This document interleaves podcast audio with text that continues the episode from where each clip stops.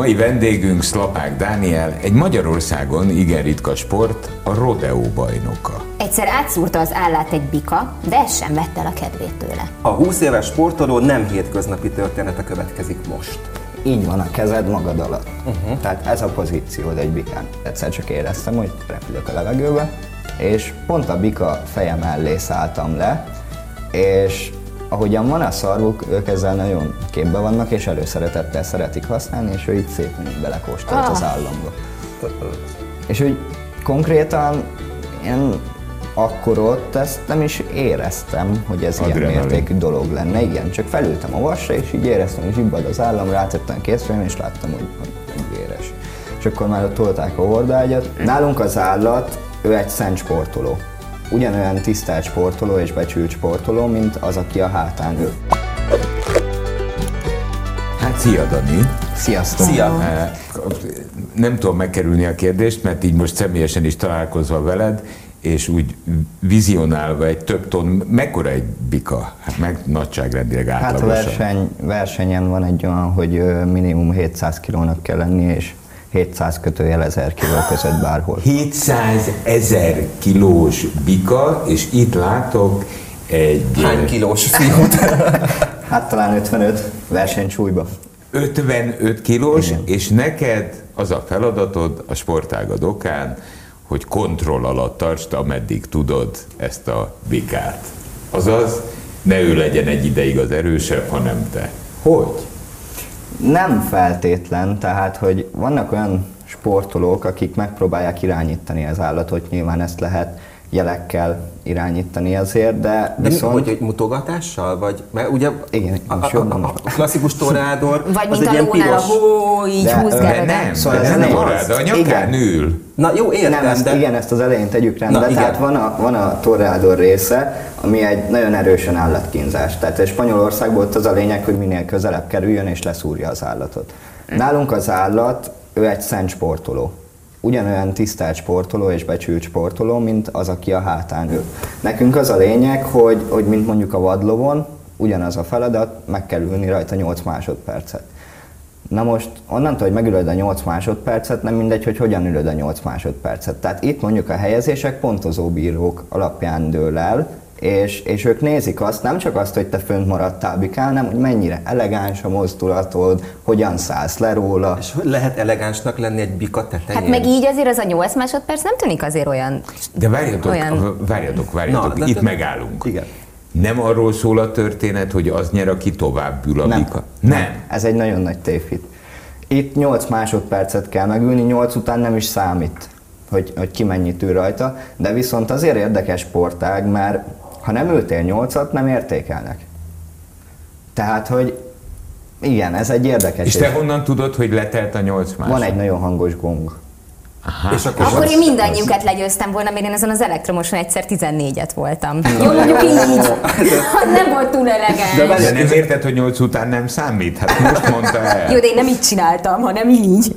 És, és, és egyébként hogy szállsz le róla? Mert tudom, hogy ez most úgy tűnik, mintha nagyon buta kérdés lenne, de Hát szerintem de nem, de az. hogy, tehát ez Meg me- megtapos, hát hogy menekülsz el? Induljunk akkor onnan, hogy, hogy ugye a felszerelés, van egy rópnak nevezett kötél, ami át van vezetve a bika testén.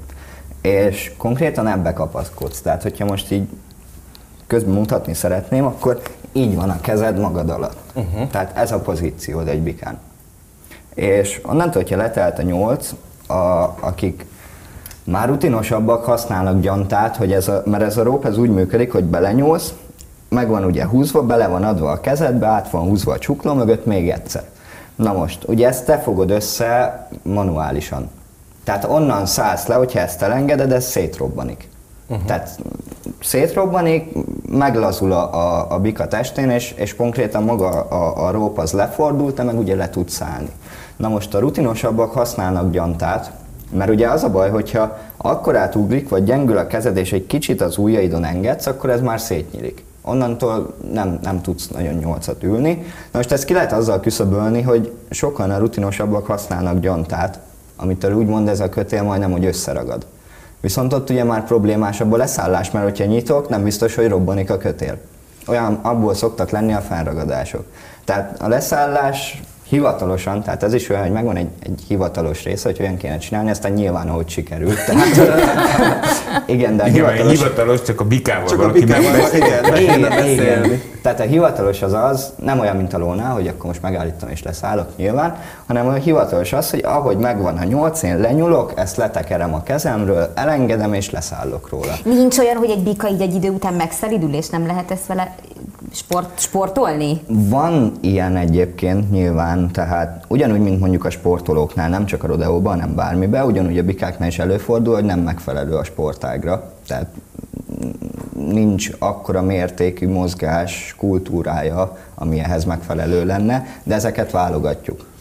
Értem, én biztos, hogy te vessetek meg, dobjatok a bikák elé, hát én biztos, hogy a verseny előtt oda mennék és haverkodnék vele, tehát vinnék Na de tényleg, hogy ők ne, de hogy, hogy én, az, én nekem ilyen filmekből van ez meg, hogy nem azon, hogy ezek ilyen nagyon agresszívak, és akkor így azért akar ledobni, vagy, vagy, vagy mi, mi? Nyilván ő neki ez egy, ez egy alapviselkedése, tehát ők egy, egy uralkodó szellemű állatok, vagy nem is tudom, hogyan mondjam. Tehát igen, van, van egy alap agresszív viselkedése, és ezáltal is vannak kiválogatva.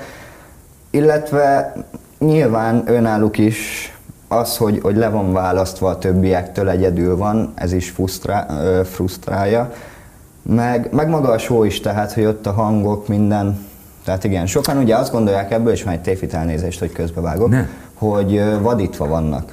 Na most És e- ebből semmi nem igaz. Tehát, hogy például az is, hogy el van szorítva a, köt, a, a kötérlel a heréje, mert van még egy kötél hátul. Tehát van a rope, amit fog a rider, illetve van még egy kötél hátul, amit flanknek neveznek.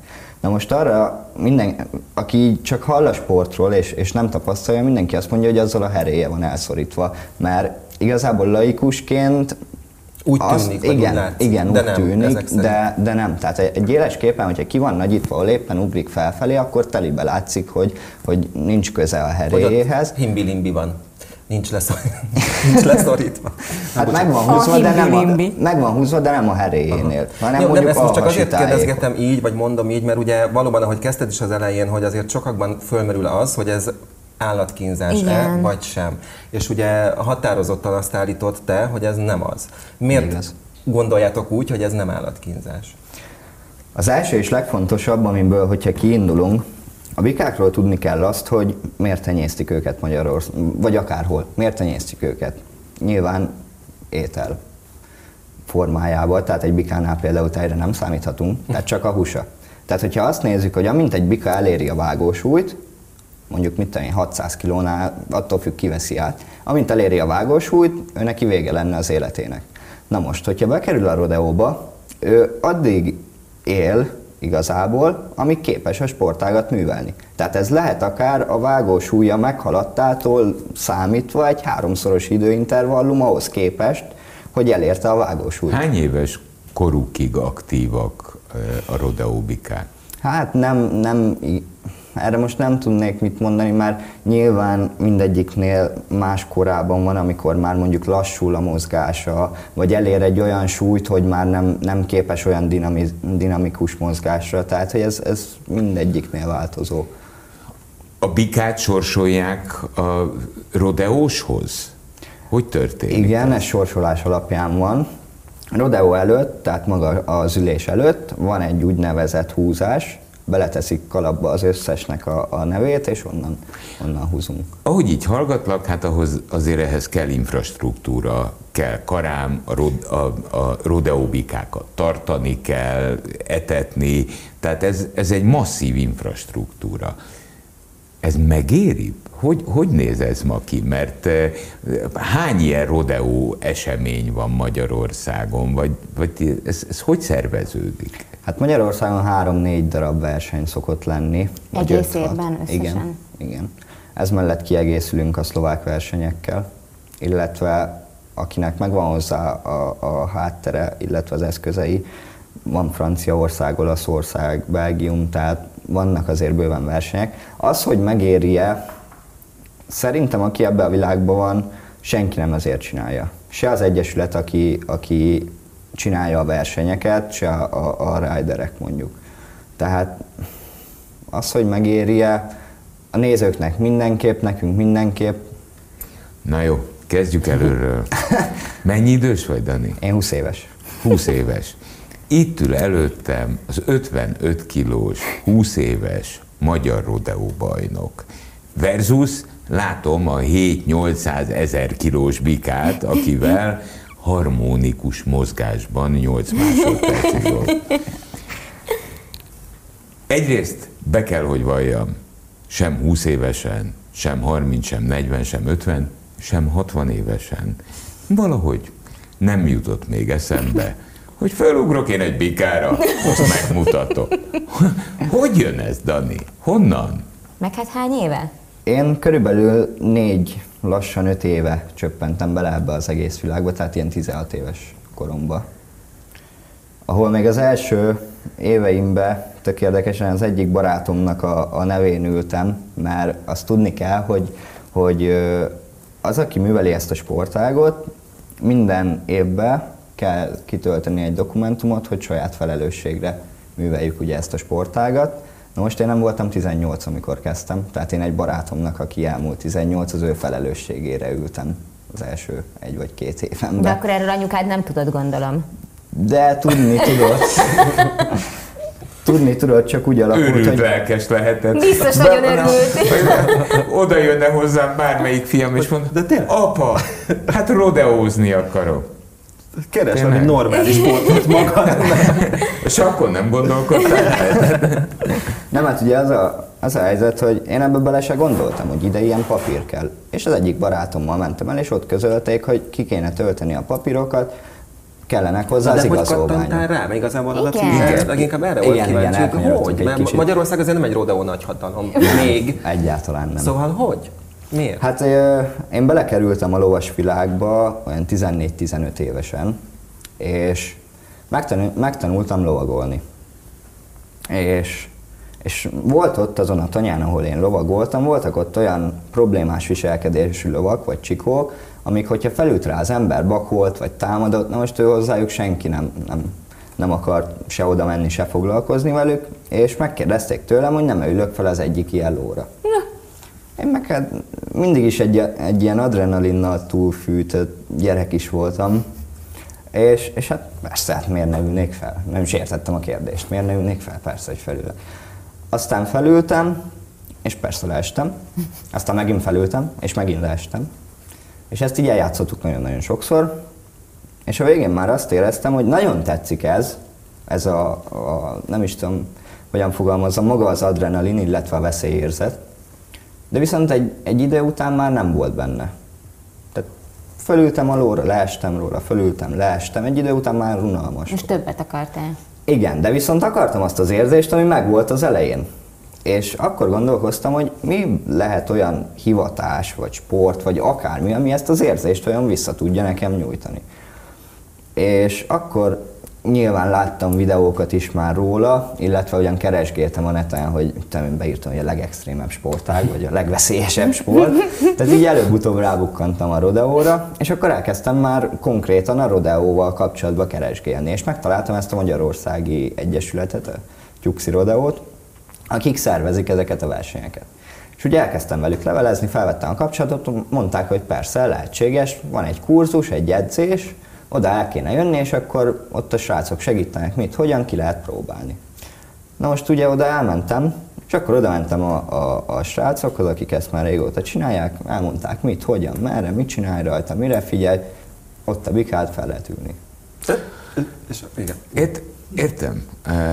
De ez már egy Ebben- real igazi bika volt? Igen, igen, igen. e- nem, az az elektromos, amit gondoltam. Hát még ilyet. Hát nem úgy van, hogy hogyha egy, hogyha egy kurzus, meg egy edzés, akkor először azon, Nem, nem? nem, bedobták a mély vízbe. Oké, ez, ez, ez magyarországi körülmények közül indulva. Ez lehet élethivatás, Dani, mert csillog a szemed, amikor beszélsz róla.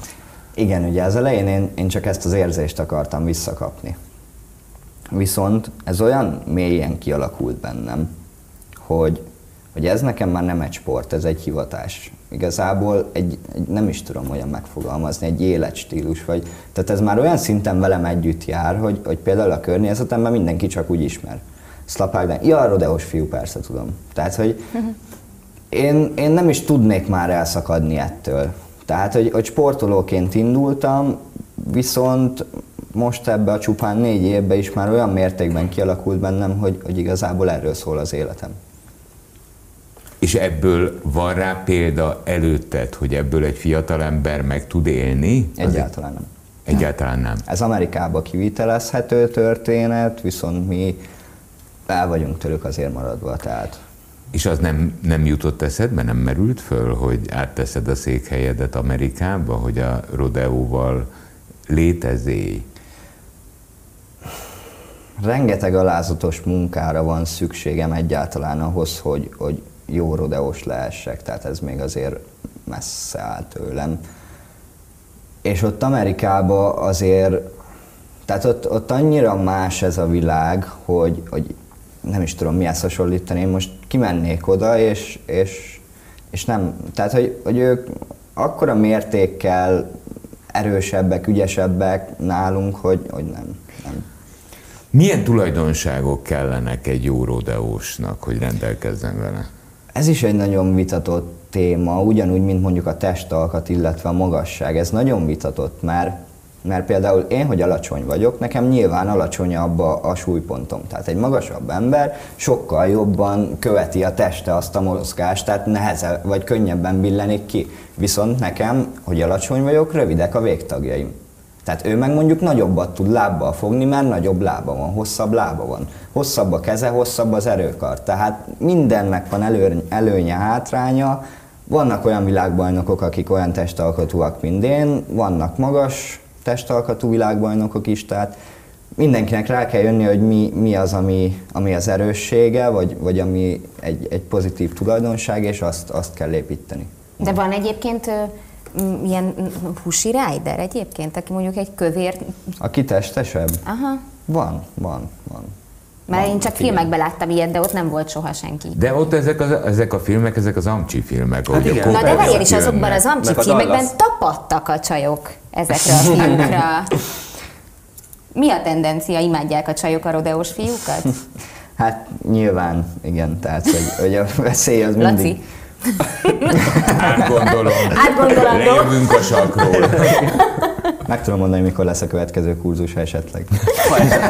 Jó, van, van, van ilyen korosztályos, te ilyen szenior bajnokság? Szenior Nem számít a korosztály. Csak van egy öreg bika, amit tudtok adni a Lacinak. Ez komolyan mondom. és, és akkor mi, hazaviszem, vagy mi? Engem Bika ma itt parkol. A Lacinak egy kicsit idősebb, fáradtabb bika kellene.